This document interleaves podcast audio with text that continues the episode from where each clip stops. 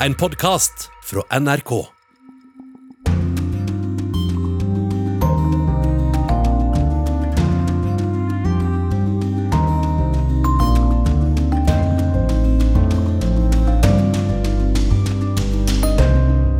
Det brenner nå i bakken like ved der Moria-migrantene demonstrerer mot den nye leiren som greske myndigheter er i ferd med å sette opp. Vi skal til Lesvos. Tre kvinner utgjør kjernen i opposisjonen mot Russlands omstridte president Aleksandr Lukasjenko. Bli kjent med dem straks. I Frankrike er hester blitt funnet døde, med ørene skåret av, øynene fjernet og kjønnsorganene kuttet av. Bli med til stallene i Frankrike. Hvordan ender en norsktalende afghansk gutt på skole i Belgia med avtroppende korrespondent Philip Lote sine barn? Hør historien her. Når kommer koronavaksinen, og er det trygt å ta den? Vi gir deg svarene. Urix på lørdag med Anja Strønen i studio. Men først skal vi til Doha i Qatar og noen spesielle fredsforhandlinger. Today is truly a momentous occasion. Afghans have at long last chosen to sit together and chart a new for your country. Det var USAs utenriksminister Mike Pompeo sine første ord under starten av seremonien som markerer åpningen av fredsforhandlingene mellom den afghanske regjeringen og Taliban. Dette skjer i Doha i Qatar, der Pompeo altså er til stede, mens vår egen utenriksminister deltok i den digitale åpningsseremonien, og er med oss straks her direkte. Men først så skal Anders Tvegård gi oss bakgrunnen for det som nå skjer. For over Atlanterhavet på vei til Qatar. USAs utenriksminister erkjenner at dette er vanskelig for afghanerne, men sier at bare de kan ta kontrollen over egen framtid. President Donald Trumps toppdiplomat Mike Pompeo har kommet bak i flyet til pressen, der han står og snakker, mens han pga. turbulens holder seg fast. Et eh, bilde på hvordan fredssamtalene også kan bli. President Trump har lovet velgerne å avslutte USAs lengste krig, som ble innledet etter terrorangrepene 11.9.2001. Da ble fundamentalistene i Taliban jagd ut av Kabul. Nå, 19 år etter, har Taliban-krigere kontroll over større landområder enn den gang. Og etter å ha inngått en fredsavtale med USA for sju måneder siden, er de klare for å forhandle seg tilbake til regjeringskontorene. Fjellrike Afghanistan grenser til seks andre land, er dobbelt så stort som Norge i areal og et lappeteppe av etniske grupper. Geografien er til fordel for væpnede grupper som sympatiserer med terrornettverket Al Qaida, eller ekstremistene som kaller seg Den islamske staten. Denne uka kom en ny påminnelse om at noen prøver å ødelegge en fredsprosess.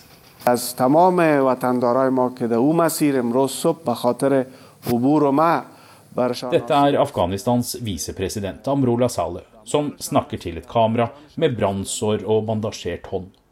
Et eh, attentat mot hans bilkortesje drepte minst ti mennesker i Kabul, og nå beklager han for ødeleggelsene. Ikke bare tap av liv, men også forretningene som ble revet bort da noen forsøkte å drepe ham. Taliban hevder de ikke hadde noe med dette angrepet å gjøre. Etter tiår med blodig konflikt starter nå det krevende arbeidet. Få til en våpenhvile, lage en plan for avvæpning av Taliban og militsgrupper, sikre kvinner og minoriteters rettigheter i et framtidig Afghanistan. Mistilliten er eh, langt fra borte. Afghanske kommentatorer tror f.eks. ikke USA kommer til å gi slipp på landet.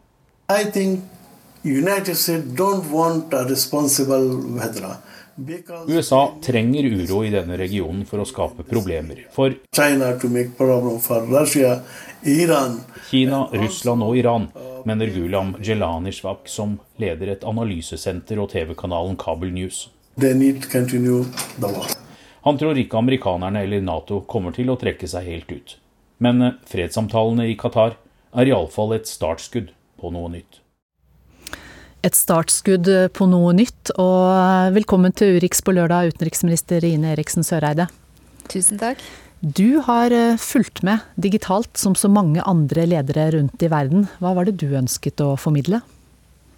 For det første en forsiktig optimisme, og det er som Anders Tvegård sier, et startskudd på en prosess. Jeg deltok jo også i Doha i februar, da avtalen eh, mellom USA og Taliban ble undertegna.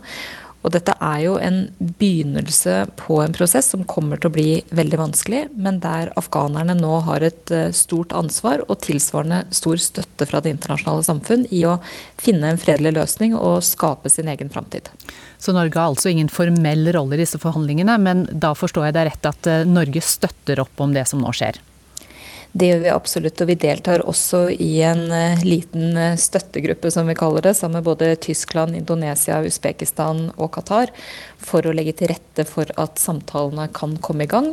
Så er det afghanerne som må forhandle, og da vi var ferdig med den uh, digitale delen av møtet, så var det bare afghanerne igjen i møterommet som da skulle starte samtalene. Og vi har også sagt sammen med de andre landene at vi selvfølgelig er klare til å bistå og hjelpe til dersom afghanerne afghanerne ønsker det på noe tidspunkt. Men først og fremst er dette afghanernes prosess. De må eie den, de må lede den, og de må finne løsningene.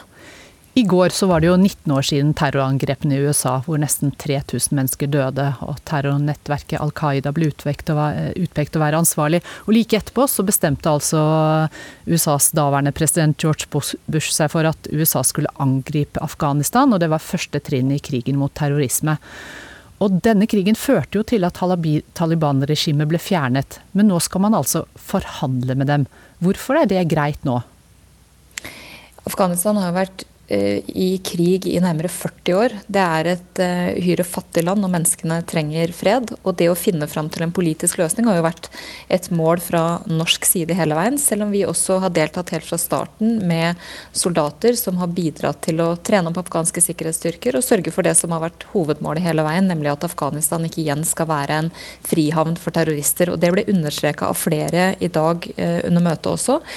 Og så har vi vært veldig klare på, sammen med alle andre, at de framskrittene som har kommet siden 2001 når det gjelder inkludering av kvinner, menneskerettigheter, ungdom, minoriteter, den eh, må man bygge på i de samtalene som nå skjer. Og ikke minst bygge en inkluderende fred, som vi har erfaring fra mange tidligere fredsprosesser på, at det er helt avgjørende for at dette skal vare. Og det betyr at kvinner må involveres helt fra starten i forhandlingene.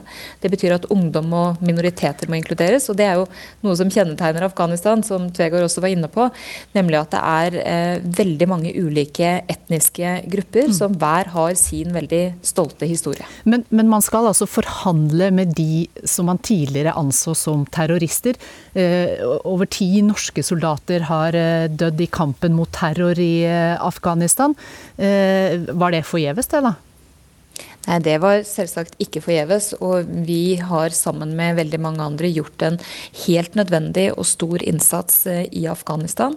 Og vi er fortsatt tungt til stede i Afghanistan og gjør en uh, usedvanlig viktig jobb med å trene opp uh, afghanske sikkerhetsstyrker, så de kan, kan, ta ansvar for sikkerheten. Og Det gjør vi jo sammen med alle andre Nato-land og veldig mange andre utafor Nato også. Men det er sånn at når man skal finne en eh, fredsløsning, så må man veldig ofte forhandle med tidligere fiender.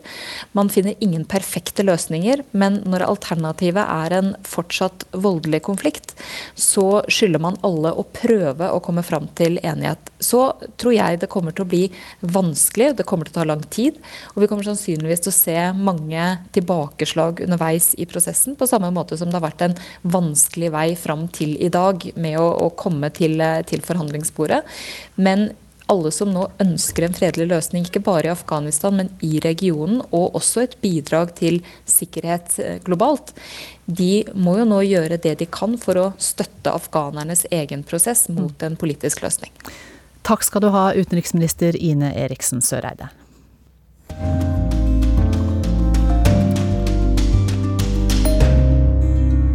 Da skal vi til Lesvos.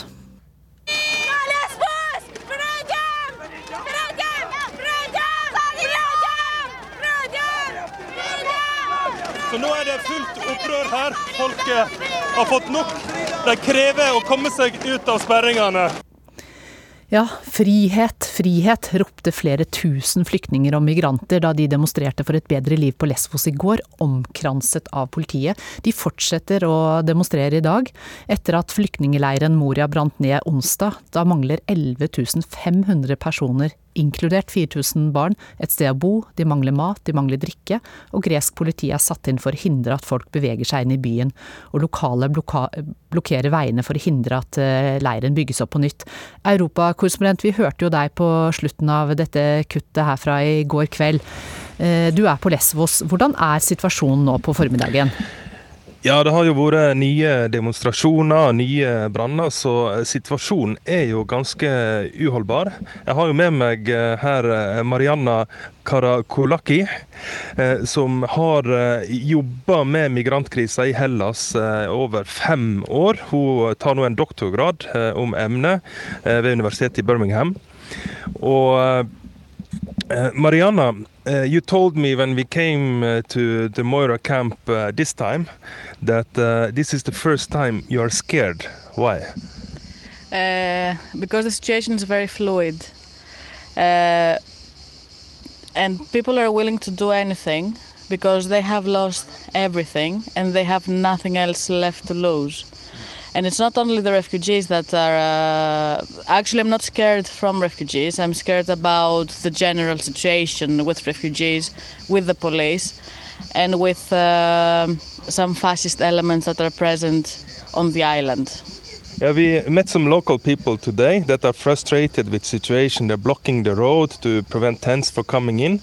Uh, but you said that in the back you saw people affiliated with uh, extreme right politics. Uh, who are these uh, people in the background here?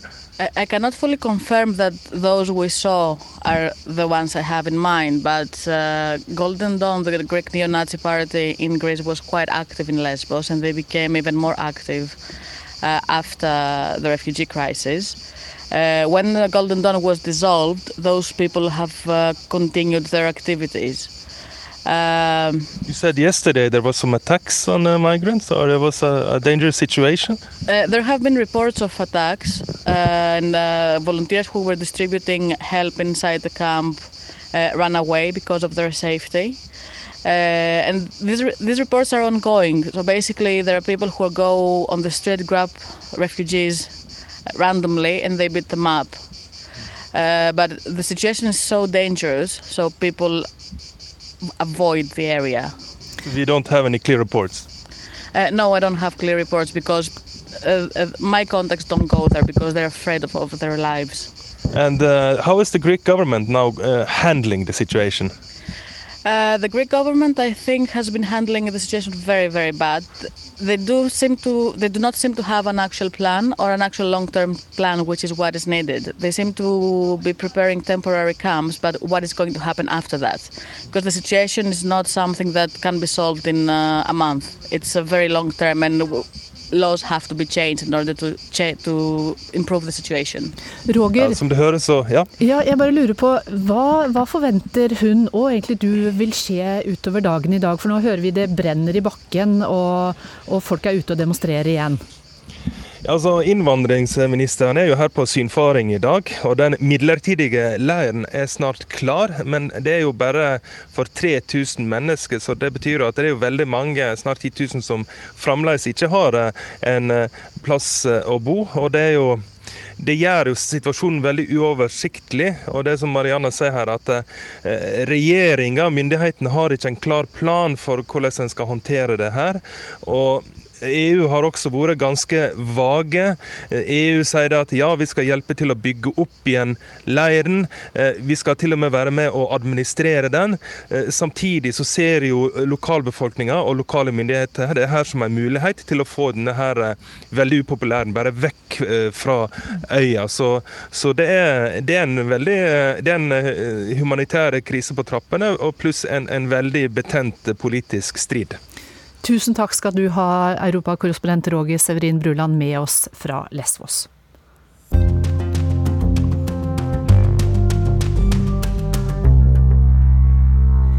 De er for veike. Presset ved å lede landet vil få dem til å kollapse, stakkars. Slik karakteriserte Hviterusslands omstridte president Aleksandr Lukasjenko de tre kvinnene som utgjør kjernen i opposisjon mot han. Lukasjenko ble, som vi kanskje nå husker, utropt til vinner med 80% av stemmene under valget, men det var etter grov valgfusk, ifølge opposisjonen. Og de tre kvinnene kjemper nå mot Lukasjenko på hver sin måte, på hvert sitt sted. Bølger av begeistring fra massene på et folkemøte før valget i Hviterussland. Svetlana Tikhanovskaja! Svetlana Tikhanovskaja blir annonsert.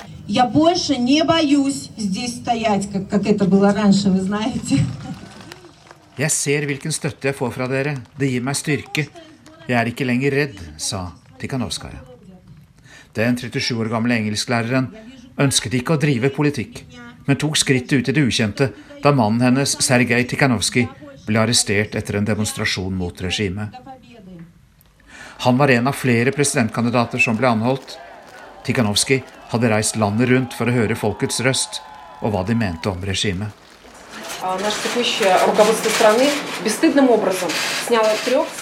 23.6 møtte tre kvinner pressen. Veronica Tsepakolo tok ordet. Landets leder har skamløst fjernet de tre beste av opposisjonens presidentkandidater, sa Cepakolo, som har en lederstilling i Microsoft i Hviterussland. Vi har bestemt oss for å stå sammen i kvinnesolidaritet, sa hun. Hennes mann Valeri Tsepkalo er tidligere ambassadør for Hviterussland til USA og Mexico og var en av opposisjonens favoritter foran presidentvalget. Men han flyktet i all hast til Moskva med ekteparets to barn, da han fikk varsel om at han ville bli arrestert. I valgkampen hadde de unge kvinnene hvert sitt tegn. En knyttneve, et V-tegn for victory og et hjertetegn med fingrene som ble varemerket til musikeren Maria Kalesjnikova.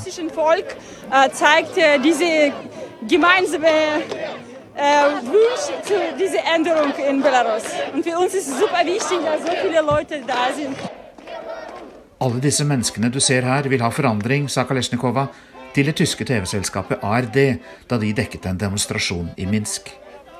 Se på den store folkemengden, sa Kalesjnikova, som først var leder for presidentvalgkampen til den kjente bankmannen Viktor Babarika, før han ble fengslet i midten av juni. To av disse tre kvinnene kommer altså fra det etablerte samfunnssjiktet i Hviterussland, men de stilte til valg bak den politisk uerfarne Svetlana Tikhanovskaja. Jeg tror myndighetene godkjente mitt kandidatur nærmest for å gjøre narr av oss, sa hun til CNN etter valget. Men så fikk de en støkk, for vi ble så populære. I think it was like a shock for authorities, so they just had to leave me uh, to show that there is a hint of democracy in these elections. Men de måtte la meg gjennomføre valget, for å late som at det var et rettferdig valg, sier Tikhanovskaja.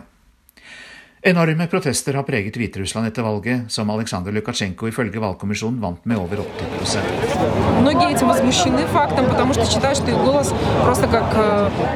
De må ha byttet om på tallene, sier Veronika Tsepkalo ironisk dagen etter valget. Da hadde hun reist til familien i Moskva. Our people are tortured, jailed, Vårt folk blir torturert og fengslet, sa Svetlana Tikhanovskaja til NRK denne uka, fra sitt eksil i Litauens hovedstad Vilnius. Der har hun søkt tilflukt, sammen med ekteparets to barn.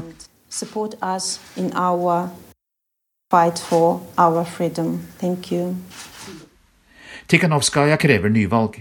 Be for oss, støtt oss, sier hun, og driver aktiv lobbyvirksomhet for opposisjonen fra sitt eksil. Что очевидно, что вот эта волна несогласия, которая поднялась, э, которая активизировала такой Og så var det bare Maria Kalesjnikova som var igjen i Hviterussland. Dette stopper ikke, hele landet er i opprør, sa hun til litauisk kringkasting, før hun forsvant mandag denne uka. Hun ble bortført på åpen gate i Minsk, ført mot grensen til Ukraina. Det samme skjedde med to andre opposisjonelle som ble deportert til nabolandet. De fortalte etterpå at Kalosjnikova hadde revet i stykker passet sitt og nektet å gå i tvunget eksil. Nå skal hun være arrestert, og det bekymrer opposisjonen. Det sa reporter Øystein Heggen.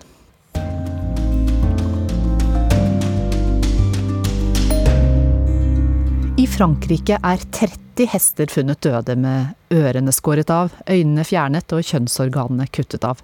Både politi og etterretningstjenesten er koblet inn for å finne ut hvem som står bak den bestialske mishandlingen. Reporter Johan Tolgert har møtt hest hesteeiere i Frankrike, og en av dem er svenske Emilie Redman Aakvist. Hva kjente du når du hørte tales om de her lemlestede hestene første gangen? Sjokk. Det är något av det värsta som kan hända att komma till stallet och en häst har blivit lemlästad. Emelie Renman Åkvist kallas ofta för ridprinsessa på Le Musée du Cheval i staden Chantilly, 60 kilometer norr om Paris. Här på Hästmuseet finns visserligen höga järngrindar, kamerabevakning och säkerhetsvakter, men de andre hesteeierne der du har eh, Samsin, din hest, der i stallet då, de ville ikke at jeg skulle komme dit. Ja, de er redde at kommer det ut i, eller i medier at eh, det øker risken at noen gjerningsmann skal ville komme til det stedet. Så ja, folk er redde. Gjerningsmennene har anvendt kniv, elchocker eller pistolskott. De har skurit av ører, stukket ut øyne eller tatt bort könsorgan. Tidningarna gjør altså en karta for å vise alle platser der over 30 dåd har inträffat. Hva ser du dem någonstans? Her på Frankrikes karta? Ja, det är sjukt, det er over hele landet. Man tänker, hade det vært en gärningsman så hadde det kanskje holdt seg til ett og samme ställe. Häromdagen hittades et fullblod med avskuren hals i en hage i Bretagne. Eftersom regeringen ser med allvar på det som sker har även underrättelsetjänsten kopplats inn. Man utesluter ikke at sadistiske riter ligger til grunn for dåden. Så her tror Emily om det spåret. Ja, den muligheten finns ju. Tyvärr finns det ju sjuka människor för det kan ju inte vara friska människor som gör något sådant. Men hur man ska komma åt problemet det har jag tyvärr ingen aning om. På jordbruksministeriet tror man at minst en fjerdedel av dåden utførts av människor. Men tydligen kan ikke rovdjur uteslutas i vissa fall. Polisen har fått kritik for at de ikke har lyckats gripa en enda gärningsman ännu. Ändå har over 150 personers alibin kontrollerats. Showkompisen Elodie pausar på en närliggande bänk i sensommarsolen. On est capable d'aller sur la lune, et en France on n'est pas capable d'arrêter un réseau. Människan kan resa til månen, men fransk polis er ikke kapabel att gripa en enda gärningsman. Det er uruselt, tycker Elodie. Il faut vraiment que la police arrive à les arrêter au plus vite. Jag ska väl bara säga att det här stallet här, det ser ut som ett slott. Ja, legenden sa ju att han som lät bygga det trodde att eh, han skulle återfödas som en häst så han ville ha ett slott som eh, var värdig hans eh, position. I Frankrike finns cirka en miljon hästar och omkring 10 000 gårdar där man föder upp hästar. Våld mot djur kan ge upp til två års fängelse og 320 000 kroner i bøter. Men Nicolas Desmagen, sjef på Hoppets ranch, L'Orange de l'Espoir, tenker försvara seg ifall gärningsmännen slår til. Han har en pistol i fickan. Men de toute façon, aujourd'hui, je suis armé. Hein. Nicolas struntar därmed i inrikesminister Gérald Darmanans uppmaning om att inte ta lagen i egna händer. På Hoppets ranch tar man hand om hästar, åsnor, getter, grisar, katter og hundar som behandlats illa av människor. For et par veckor sedan blev Nicolas överfallen midt i natten. Et c'est les deux gros cochons que vous avez euh, dans, dans la petite maison là, qui ont gueulé. Det var grisarna som väckte mig och då såg jag två okända män stryka omkring på gården. När jag gick ut blev jag överfallen, men jag lyckades slå till den ene i huvudet med min krycka som jag bär efter en arbetsskada. Tre av hästarna på ranchen skadades allvarligt den natten. Vi går ut på fältet till 19 år gamla hästen Biscott. Voilà Biscotte, un mâle Voilà, donc vous avez sur le côté. Hon luktar på min mikrofon. Kanske tror hon det är en morot. Nicolas visar at gärningsmannen skurit upp magen. På ena sidan finns et 50 centimeter långt og djupt sår. Voilà, donc vous avez sur le côté, voilà. En tout, ça fait 50 cm. Oh là là. Oui. Voilà. Veterinären har sytt biskott. Men det är sorgligt att se alla flugor som samlas kring såret i det 30 grader varma vädret. Personalen tvättar såret flera gånger om dagen för att undvika infektion, berättar Nicolas. Oui, plein de mouches. Ouais. C'est pour ça qu'on fait hyper attention pour pas qu'ils qu pondent et qu'il ait pas une infection. Den gamla hästen Biskott vill inte stanna med oss. Hon haltar oroligt iväg på fältet. Efter den brutala tortyren har hon inget förtroende för människor längre.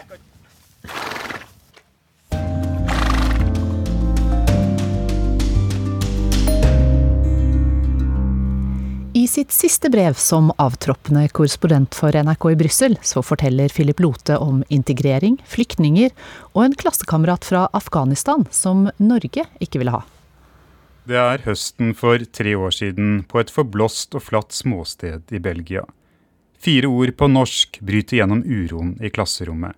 Hun er helt idiot. Mine tre barn ser overrasket på den litt eldre afghanske gutten. Skoleåret er kun noen dager gammelt.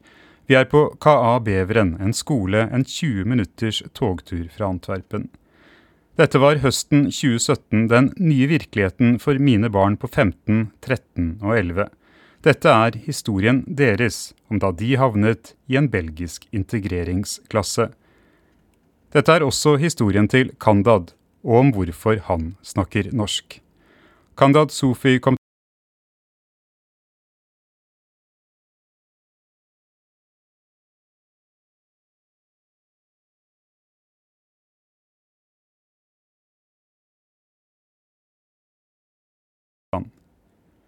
I årene etter dette har krigen fortsatt.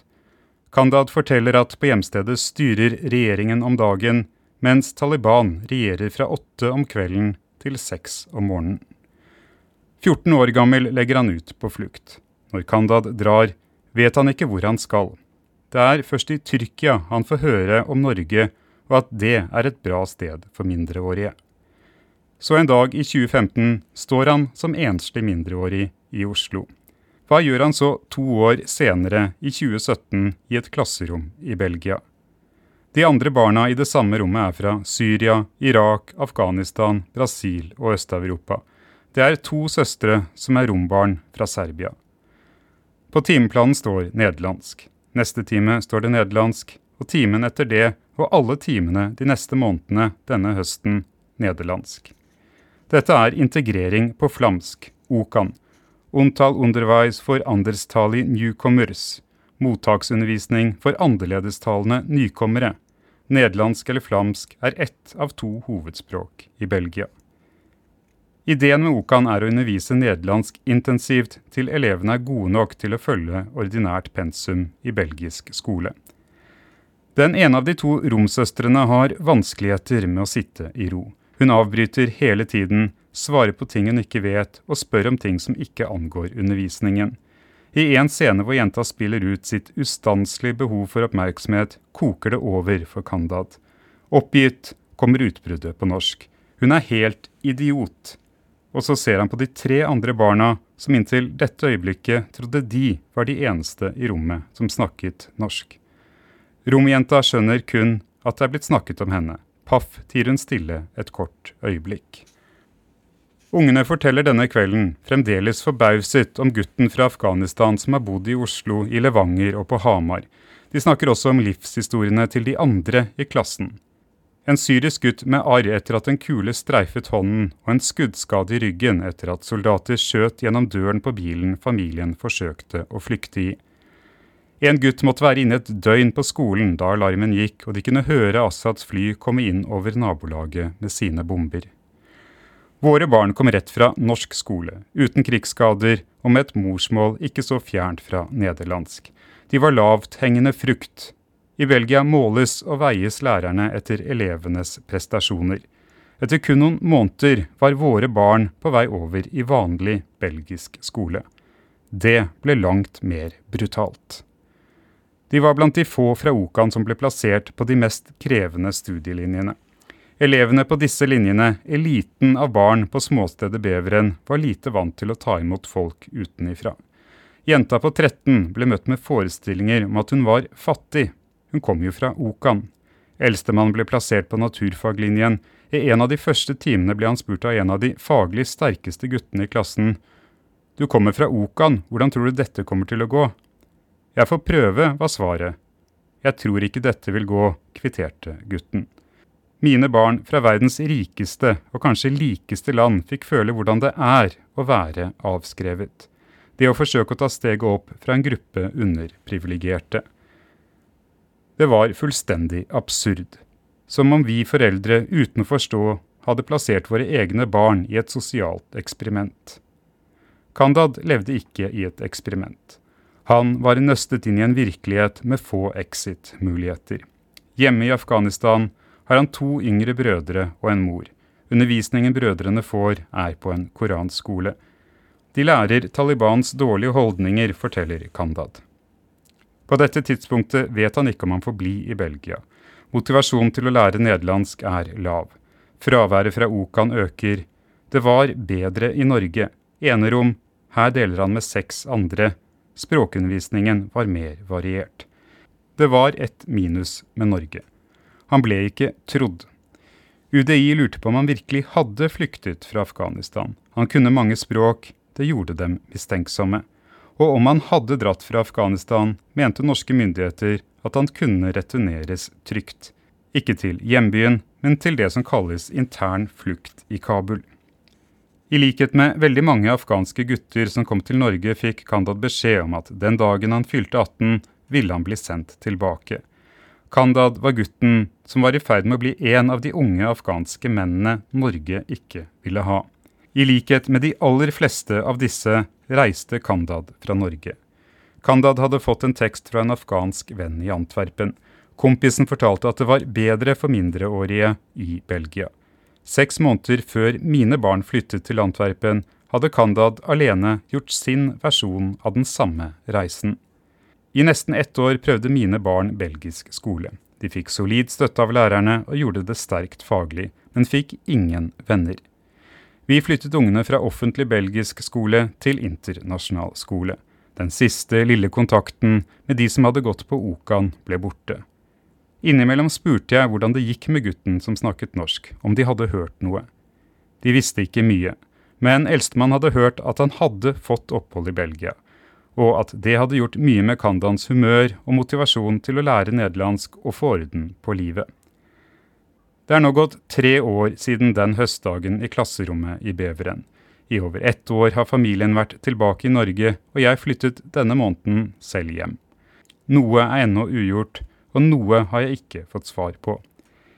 En av de tingene er hvem var denne gutten fra Afghanistan som snakker norsk?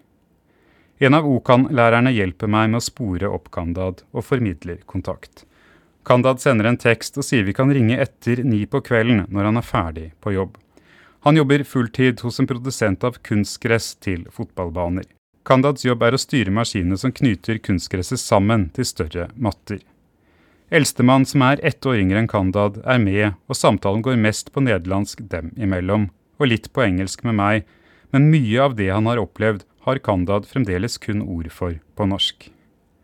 Han forteller at den største forskjellen på Belgia og Norge var at de trodde på historien hans. Asylintervjuet i Belgia var to timer langt mot én time i Norge. Spørsmålene var vanskeligere, mer kritiske og utmattende men Kandad fikk lov til å bli. Han forteller om lettelsen han følte. Hver måned sender han penger hjem til moren og brødrene, noen ganger 300 euro, andre ganger 200 eller 100. Jeg spør hva som ville skjedd hvis han hadde reist hjem til Afghanistan. Det er ikke mulig. Hvis jeg kommer tilbake etter å ha vært i utlandet, vil Taliban komme og kreve penger, kreve at jeg hjelper dem. De kom hver uke da jeg var yngre, snakket med min far og krevde at han skulle jobbe for dem. Hva skjedde med din far? Han ble drept av Taliban. Han ville ikke gjøre som de sa, jeg dro etter at det skjedde. De ville ha krevd det samme av meg. Kandal ble voksen lenge før han sluttet å være mindreårig. I Belgia, med jobben som kunstgressarbeider, håper han nå å finansiere en utdanning for én av sine yngre brødre. Okan gjorde han aldri ferdig. Han vil gjerne ta utdanning selv, men tror ikke det er realistisk. Jeg har ingen skjebnetro, men føler en slags takknemlighet overfor summen av det som kanskje er tilfeldigheter som gjorde at mine barn i noen måneder fikk gå i samme klasse som Kandad. Selv om jeg aldri ville valgt det samme for dem på nytt, ble de sterkere og klokere av å være i dette underlige fellesskapet av utenforskap i et nytt land.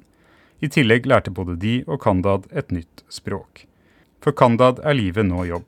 Tidlig og sene skift, cricket på lørdager hvis været er fint. Vi spør om familien hjemme er glad for at han nå er i Belgia. De vet ikke at jeg er i Belgia. De vet ikke at jeg er i Europa, sier Kandad.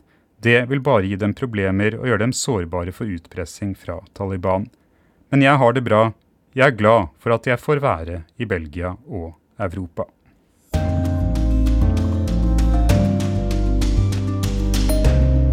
Ukas Krig og fred spør når koronavaksinen kommer. Og er det trygt å bruke den? Lytt, og du får svar. Donald Trump lover at den er klar til jul. Ja, kanskje allerede til valget i november. Boris Johnson krysser fingrene for britiske forskere og har bestilt 100 millioner doser. Vladimir Putin lar sin egen datter få teste ut en russisk variant. Og i bakgrunnen lurer Kina. Når kommer koronavaksinen egentlig? Og samarbeider hele verden for å få det til nå? Eller slåss bare alle for seg og sitt? Du hører på Krig og fred med Tove Bjørgaas og Tore Moland. Under Operation Warp Speed, we have three different vaccines in the final stage of trials. Right now, years ahead of what has been achieved before. Nobody thought it could ever be done this fast. Normally, it would be years, and we did it in a matter of a few months. Donald Trump har nok en veldig stort ønske om at en vaksine skal uh, kunne vise seg å være effektiv før valget i USA. Uh, og det peker jo på litt av dilemmaene rundt dette. Dette er ikke bare et medisinskfaglig spørsmål, dette er politikk. We will have a safe and effective vaccine this year, and together we will crush the virus. Men å ha en vaksine klar før valget i USA 3.11, det tror ikke du noe på? Jeg tror ikke det er realistisk. Ja, Jon Arne Røttingen. Jeg er avtroppende direktør i Norges forskningsråd og påtroppende ambassadør for global helse i det norske utenriksdepartementet. Fortell meg hva slags faglig bakgrunn du har også. Ja, jeg er utdannet lege, og så har jeg ganske bred forskerbakgrunn uh, innenfor dels uh, relativt uh, detaljerte cellebiologiske temaer til global politikk på legemiddel og patenter og så har jeg jobbet mye med infeksjonsepidemiologi og modellering av infeksjonssykdommer og internasjonal helse. Jon Arne Røttingen, fortell oss nå det vi alle sammen lurer på. Når kommer den vaksina mot covid-19? Ja, Vi vet jo ikke helt når den kommer, eh, men vi vet at det er et enormt kappløp mot tiden. Eh, helt imponerende. 12.1.2020 eh, så frigjorde jo de kinesiske myndigheter gensekvensen. Eh, og når da omtrent ni måneder etter det, så har vi allerede over 170 ulike vaksinekandidater. Og over 30 som er med i såkalte kliniske studier, altså hadde begynt å prøves ut på mennesker. Så det er jo veldig lovende. Aldri skjedd så mye på så kort tid eh, noen gang før. Eh, og samtidig så vet vi jo ikke om disse kommer til å virke. Basert på erfaringstall så kan vi si at kanskje én av fem av de som går inn i klinisk utprøving, vil bli godkjent. Så det betyr at med god sjanse så vil det være effektive og trygge vaksiner eh, i løpet av våren 2021. Eh, og i beste fall eh, rett rundt nyttår. Og så går det fryktelig fort nå. Var det noen som hadde trodd at det kunne gå så fort? Det går fryktelig fort. Normalt så tar det sju til åtte år å utvikle en vaksine. Det er igjen basert på tidligere tall og erfaringer. Nå ser det da kanskje ut til at vi faktisk vil ha kunnskap om en effektiv vaksine innen ett år det er enormt raskt. Eh, og det skaper jo også noen usikkerhet i seg selv. Det betyr at vaksinene ikke vil være prøvd ut på like mange mennesker som vi normalt ville eh, kreve før de får en godkjenning. Det betyr at vaksinene sannsynligvis da i første omgang bare vil få en midlertidig hastegodkjenning. Og det er noen risiko knyttet til dem, og det må vi huske på. Uten å bli altfor medisinsk spissfindig, hva er situasjonen i dette vaksinekappløpet akkurat nå, begynnelsen av september 2020? Akkurat nå så er det åtte av de mer enn 30 vaksinene som er faktisk allerede inne i den siste utviklingsfasen, fase tre. Det er fire kinesiske vaksiner, én russisk vaksine og tre det vi kan kalle vestlige vaksiner. I'm, obviously I'm hopeful. I got my fingers crossed. But to say that I'm 100% confident that we'll get a vaccine uh, this year or indeed next year uh, is, alas, just you know an exaggeration. We're not there yet. Jeg håper og jeg krysser fingrene, men vi er ikke der ennå, sa britenes statsminister Boris Johnson i sommer. Da hadde forskerne ved universitetet i Oxford akkurat kunngjort at de går i kompaniskap med legemiddelfirmaet AstraZeneca for å masseprodusere en britisk vaksine med lovende resultater. Og Boris har bestilt 100 millioner doser, før vaksinen er ferdig testa og satt i produksjon. Can I be right now? Can I tell you that I'm 100% confident? No. Ja, det viser seg det at eh, Boris Johnson hadde helt rett når han sa 'jeg kan ikke være 100 eh, sikker'. Det som har skjedd nå, er at eh, en av forsøkspersonene som var med i de tidlige undersøkelsene, og en av de første som fikk dette her, har fått problemer. Og så har de midlertidig stoppet å rulle inn nye forsøkspersoner inn i dette eksperimentet, i påvente av å se hva i alle verden er som har skjedd her. Er det spikeren i kista for AstraZeneca og Oxford, som britene bl.a. har satsa på? Det er det helt umulig å si, men hvis det er slik at en av de første hundre som fikk vaksinen, har fått en så alvorlig bivirkning som lammelser på grunn av vaksinen, så må de sannsynligvis tilbake til tegnebrettet. Ja, Halvard eh, Sandberg. Jeg er blitt sånn koronamann i NRK, men jeg trives egentlig best i utenriksredaksjonen der jeg jobber. Halvard Sandberg, illustrerer ikke dette på sett og vis det dilemmaet vi står oppe i nå? At uh, land kjøper store kvanta av vaksiner som de faktisk ikke veit om kommer til å virke, eller veit om har alvorlige bivirkninger? Ja, men det er sånn det må gjøres. Skal det gå raskt nok, skal det gå i warp speed, skal det gå i 168 km i timen, så må du gjøre det. Det er ingen vei utenom. For du kan ikke bare på en mirakuløs måte si knips, så har vi én milliard doser av en vaksine som vi nå har funnet ut er trygg. Det tar lang tid å produsere disse. Det er kompliserte greier, veldig mye av det. Forklar hva slags form for gambling det er som foregår, egentlig. Så gamblingen er at du bruker noe du har mye av, penger, til å kjøpe deg det du nesten ikke har i det hele tatt, nemlig tid. Det er gamblingen. Og de aller fleste land er innforstått med at sånn må vi gjøre det nå for å få det raskt nok. Andre gambler med å si at eh, vaksinen vi har utviklet er trygg og grei før den er utprøvd. Det er en helt annen type spill enn det som drives på med, med store penger. Det er flere enn Storbritannia som har satsa på denne vaksinen? Det er mange som har satset på denne vaksinen. Det er en del av eh, det som kalles Warp Speed-programmet i eh, USA. Eh, så de har fått mye penger fra USA til å fremstille doser. Og så er det også en del av det store, store internasjonale samarbeidet COVAX, hvor det er 140 land som, har, eh, som samarbeider. Og de har også denne som en av pilarene, det var faktisk den første som ble tatt inn i Covax, var denne vaksinen her. Men så er det sånn at det er mange andre bein å stå på i dette arbeidet. Og eh, disse ekspertene som analyserer vaksinene, de sier at dette, her, dette her stopper ikke oss fra å få en vaksine, men det kan forsinke det. Jeg tror nok at under en pandemi som dette, så vil man kanskje vurdere såkalt nytte-risikoforholdet litt annerledes enn en ellers, eh, og at man er villig til å hastegodkjenne en vaksine med litt mindre kunnskapsgrunnlag når det gjelder hvor trygge de er. Men da skal vi være veldig åpne på at det er det vi gjør, og så skal vi eh, fortsette å drive studier, og vi skal fortsette å monitorere effekten av vaksinen. Og plukkes det opp signaler om at den kan ha bivirkninger, så må vi ta affære, og så må vi stoppe. Men det er utrolig viktig at eh, det er åpenhet om hva er grunnlaget for en eventuell godkjenning, og at man følger opp videre etterpå. Jon Arne Røttingen, er det vanskelig å finne balansen for forskerne nå, fordi det må gå så fort, men samtidig ikke for fort? Nei, Jeg opplever ikke det er vanskelig, og det virker som det er en sånn gryende felles forståelse for dette. Eh, det er nok en del krefter som ønsker å ta i bruk vaksiner eh, raskere, men jeg tror likevel vi trenger store studier før vi godkjenner vaksiner. Впервые в мире зарегистрирована вакцина против новой коронавирусной инфекции. Så vidt jeg vet, så ble den første vaksinen mot koronaviruset offisielt registrert og godkjent i morges, sa Vladimir Putin. Datoen var 11. august.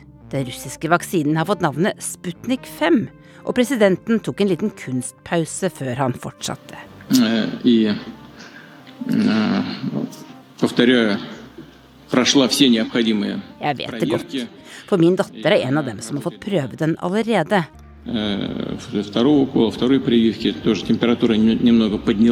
Hun fikk litt feber med en gang. 38 og litt. Men nå er alt bra, sa pappa Putin. Hva har du å si om eh, vaksinen til russerne? Ja, denne vaksinen Gamalaya-instituttet sin eh, sin vaksine, er et adenovirus, altså forkjølelsesvirus, som eh, det er satt inn en koronagen i. På det tidspunktet så var det bare gjennomført en liten fase 1-utprøving. Altså den var testet ut på et par hundre mennesker. Det å godkjenne en vaksine basert på slike resultater er ikke god praksis, og det er ingen andre legemiddelmyndigheter som har gått til det samme eh, skrittet. Tolker jeg deg dit hen at du er skeptisk til metoden russerne har valgt for å presentere vaksinen sin på? Ja, jeg, Det er veldig viktig å være tydelig på at jeg er veldig skeptisk til godkjenningen av vaksinen. Men jeg er ikke nødvendigvis skeptisk til vaksinen. Når man hopper bukk over vanlige kriterier og mekanismer, så kan man ikke ha tillit til det. Selv om produktet i seg selv kanskje viser seg senere å være godt. Og når Vladimir Putin sier at han har gitt den til dattera si og til forsvarsministeren sin og til ordføreren i Moskva, så er ikke det nødvendigvis betryggende? Altså Det som er virkelig skrekkscenario, er jo om denne vaksinen skulle vise seg å, å ha vesentlige bivirkninger. I og for seg også at den ikke virker, men kanskje verst om den har bivirkninger. For det vil jo underminere muligheten til å få til frivillig vaksinering i, også i Russland, og kanskje i hele verden, når en effektiv og trygg vaksine blir tilgjengelig senere. Så det er det man er redd for, å, å sette i gang vaksinering av noe som vi ikke vet om virker, og ikke vet om er tilstrekkelig trygt. Ja, Hvor skadelig vil det være for verden hvis det kom på markedet en vaksine mot koronaviruset som så etterpå viser seg å ha alvorlige bivirkninger? Veldig avhengig av i hvilken kontekst det er brukt. Men i USA ser vi at eh, villigheten til å bli vaksinert er veldig lav. Det hjelper ikke å ha vaksinedose tilgjengelig hvis ikke befolkningen er villig til å ta dem. I Norge så ser vi en helt annen situasjon, eh, hvor det er en stor tillit til forskning, en stor tillit til vaksinene generelt i befolkningen. Og det er utrolig viktig å opprettholde den tilliten. Og så finnes det en ganske sterk bevegelse der ute som er skeptisk til alle typer vaksiner. Man kan vel egentlig bare tenke seg hva slags vann på mølla de ville få hvis en koronavaksine slo feil. Ja, De gruppene som vi klassisk kaller for vaksinemotstandere, som nesten har prinsipiell ståsted, eh, de vil jo dessverre da få eh, vann på mølla, og vil kunne bruke det i sin propaganda, rett og slett, mot andre vaksiner også, slik at det ikke bare vil få en negativ konsekvens for koronavaksinering, men også for andre vaksiner. Churned like butter in a bioreactor, this is one of the most promising candidates in the global race for a vaccine. Reporteren fra britiske Sky News er en av få med kamera på slep som har fått slippe inn på laboratoriet utenfor Beijing, et av stedene der Kina forsøker å lage en koronavaksine. Hvor sikker er du på at den virker, spør reporteren. I mean. Like 100% sure, 80%? 80% 100 Uh, 99. 99. That's good news. 99% sikker, ler den unge kinesiske vitenskapsmannen bak munnbind og fullt beskyttelsesutstyr. Det som kineserne er veldig store på, er det som heter inaktiv virus. Det betyr at du produserer opp en haug trillioner med SARS-CoV-2-viruset, og så tar du også dreper det. Altså slik at det, det kan ikke fungere som virus. Du kutter rett og slett bare kjønnsorganene av viruset. Så, eh, men det beholder flagget, de der greiene som eh, immunforsvaret reagerer på. Så sprøyter du da inaktivt virus inn. Så kanskje du ikke har inaktivert alle, da. Så blir du sjuk likevel. Aha, sånne ting. Så det, det er litt sånn. Men det er en god, gammel, kjent uh, prosess. Uten å bli altfor medisinsk teknisk, Halvard, klarer du å forklare meg forskjellen på de forskjellige vaksinetypene som nå er under utvikling? mRNA-vaksinene, som er de moderne, de som ser ut til å ligge i front nå, hvis de virker, er eh, rett og slett bare instruksjon, kodebrikker du sender inn til eh, cellene i kroppen. Så det er eh, helt moderne, helt ny type. Du lurer kroppen til å produsere det som er på overflaten av viruset, slik at du får en immunreaksjon. Så kroppen selv produserer det. Du sprøyter inn en bruksanvisning, rett og slett? Rett og slett en bruksanvisning til fabrikkene i cellene. Veldig bra, Tore. Det er Kjempebra sett, det der. Og så har du mange vaksinekandidater som baserer seg på andre virus, spesielt adenovirus er det noe som heter. Og da tar du et virus som vi kjenner godt fra før, som vi har brukt veldig mye av, men som ikke er SARS-CoV-viruset. Og så putter du på disse flaggene fra SARS-CoV-2-viruset inn på dem, og så sprøyter du det inn i mennesker, og så blir kroppen lurt til å tro at du er eh, smittet av eh, viruset, og så setter du opp en immunreaksjon. Det er sånn vaksiner er. Hva ser mest lovende ut av disse tre, da, Halvard? Jeg må si at jeg er et science fiction-kar, slik at jeg tror på den mRNA-vaksinen. Helt uten grunn, for jeg har ingen fagkunnskaper. Men jeg er kanskje blitt smittet av den der utrolige optimismen som er blant eksperter der ute om akkurat denne her. Og hvis denne virker, hvis denne er god, hvis den er sikker og effektiv, så betyr det at vi har et verktøy som er fantastisk å bruke mot mange, mange andre sykdommer. Hvis det rett og slett bare er å ta informasjon fra arvekoden, og så lure kroppen til å produsere det, så er det fantastisk. Og det går så kjapt. We all hope to have good news about a vaccine for COVID-19. Alle håper vi på godt nytt om en vaksine mot covid-19. Men når den kommer, må vi også bruke den effektivt, sier generaldirektøren i Verdens helseorganisasjon. De daglige formaningene fra Tedros Gebreyesus fra WHOs hovedkvarter i Genéve har fulgt oss gjennom koronakrisa. Men nå advarer han mot det han kaller vaksinenasjonalisme. Using vaccines as a global public good is in the national interest of each and every country. Vaccine nationalism will prolong the pandemic, not shorten it. Nå er det jo slik at vi forventer da kanskje at de første vaksinene vil kunne få godkjenning tidlig i 2021. Da skulle vi jo helst ikke bare ha noen små og få doser tilgjengelig, og ikke titusentall, men helst en milliard. Det er en enorm produksjon. Eh, skal man få gjort den produksjonen, så tar det kanskje ni til tolv måneder. Eh, man må sette opp produksjonskapasitet mange steder. Og det verden da har valgt å gjøre nå på mange måter, det er å starte produksjon på vaksiner som man ikke vet om vil virke, og ikke vet om de vil godkjennes. Og mange nasjonalstater har da startet den type kontrakter. USA var tidligst ute gjennom det de kaller for Operation Warp Speed. Og de har i praksis da sikret et volum av hver av de vaksinene som er nok for den amerikanske befolkning. Og det er jo da det Tedros beskriver som vaksinenasjonalisme. At land kjøper seg vaksiner allerede nå uten egentlig å vite om de noen gang kommer til å virke eller ja. ikke. Så vet vi at dette som sagt vil være et marked med hvor tilbudssiden er begrenset fordi produksjonskapasiteten er for liten, og at er, du må kjøpe opp produksjonskapasitet nå for å få tilgang til vaksinene tidlig. Jon Arne Røttingen, nå snakker du om at det er åtte vaksiner, fire kinesiske, en russisk, tre vestlige. Er det alles kamp mot alle her, eller er det et samarbeid om å få til dette? Det er et stort samarbeid, det vil jeg jo si. Eh, men det samarbeidet er vel kanskje mer på hva skal jeg si, organisatorisk og uh, finansielt nivå. Uh, altså Verden ser at dette er utrolig viktig. Vi må samle ressursene. Ingen enkeltnasjonalstater eller, eller organisasjoner vil ha muskler til å gjøre dette. fordi her handler det om å satse på mange hester samtidig for å sikre at noen kommer i mål. Så sånn sett er det et samarbeid. Men så må vi vel si at når du har en vaksinekandidat, et, som jo ofte da et kommersielt firma står bak, så er det helt klart en tøff konkurranse. Jeg har et spørsmål. Ja. Et dumt spørsmål. Vi har sett knapphet på dopapir, priskrig på munnbind, priseksplosjon på respiratorer. Antibac har blitt solgt for enorme summer. Er det noen grunn til å tro at vi ikke skal se noe lignende når det faktisk foreligger en koronavaksine?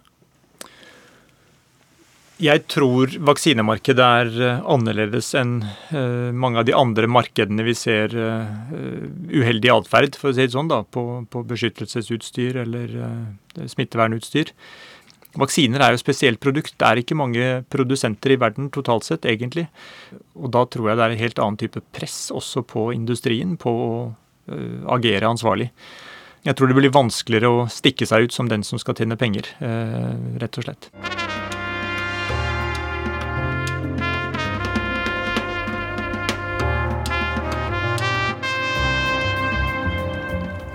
Jon Arne Røttingen, det er et halvår siden eh, Norge stengte ned. Hvor tror du vi er om et halvt år fra nå? Om et halvt år så tror jeg vi er omtrent i samme situasjon som vi er i dag. Eh, vi har fortsatt en rekke anbefalinger om smitteverntiltak. Eh, jeg håper at det da vil være kunnskap om en effektiv vaksine, men jeg tror ikke vi ville ha fått den i så særlig stort antall doser til at den påvirke situasjonen i Norge, eh, men at vi vil ha klare planer for utrulling av den ene vaksinen, eller de vaksinene vi da har tilgang til. Halvard Sandberg, hva tror du? Ja, tenk det at eh, jeg er vaksinert eh, på denne tida neste år. Om et år? Da er jeg vaksinert. Men når det skjer, det er jeg usikker på. Men neste år. Første uka i september neste år, så er jeg vaksinert. Urix på lørdag går mot slutten. Teknisk ansvarlig har vært Finn Lie, produsent Tom Ingebrigtsen, her i studio Anja Strønen. Og husk, du kan høre en eh, nedkortet versjon av Urix på lørdag på ettermiddagen eh, eller når som helst i podkast.